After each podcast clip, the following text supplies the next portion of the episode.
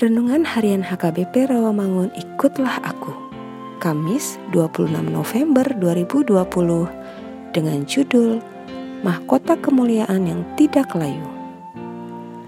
Bacaan kita pagi ini tertulis dalam Yehezkiel 37 ayat 1 sampai 14 dan bacaan kita malam ini tertulis dalam Wahyu 2 ayat 1 sampai 11 dan kebenaran firman yang menjadi ayat renungan kita hari ini ialah 1 Petrus 5 ayat 4. Maka kamu apabila gembala agung datang, kamu akan menerima mahkota kemuliaan yang tidak dapat layu.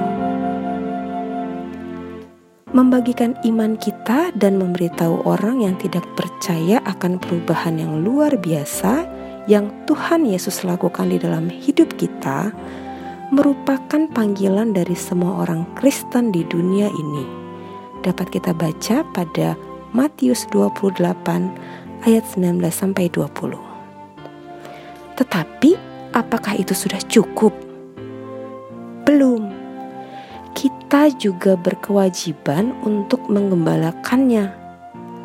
Penggembalaan yang diinginkan Tuhan adalah bukan dengan paksaan, tetapi dengan sukarela, bukan untuk suatu keuntungan, tetapi untuk pengabdian diri dan bukan melalui perintah, namun melalui keteladanan hidup.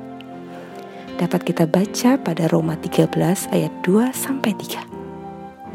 Selain penatua yang menjadi gembala jemaat, kita secara individu sebagai saksi penderitaan Kristus juga wajib melakukan penggembalaan terhadap teman saudara seiman kita.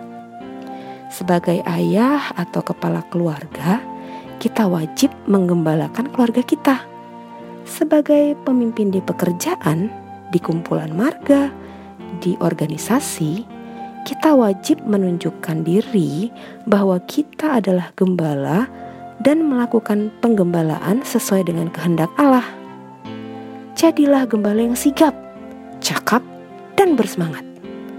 Gembala yang menjaga dombanya dengan sepenuh hati, gembala yang didengar suaranya oleh dombanya, gembala yang berjalan di depan, dan domba-dombanya mengikutinya.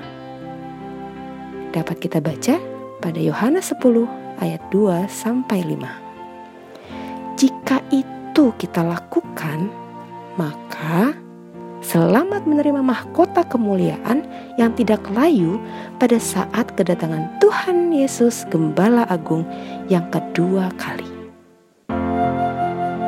Mari kita berdoa.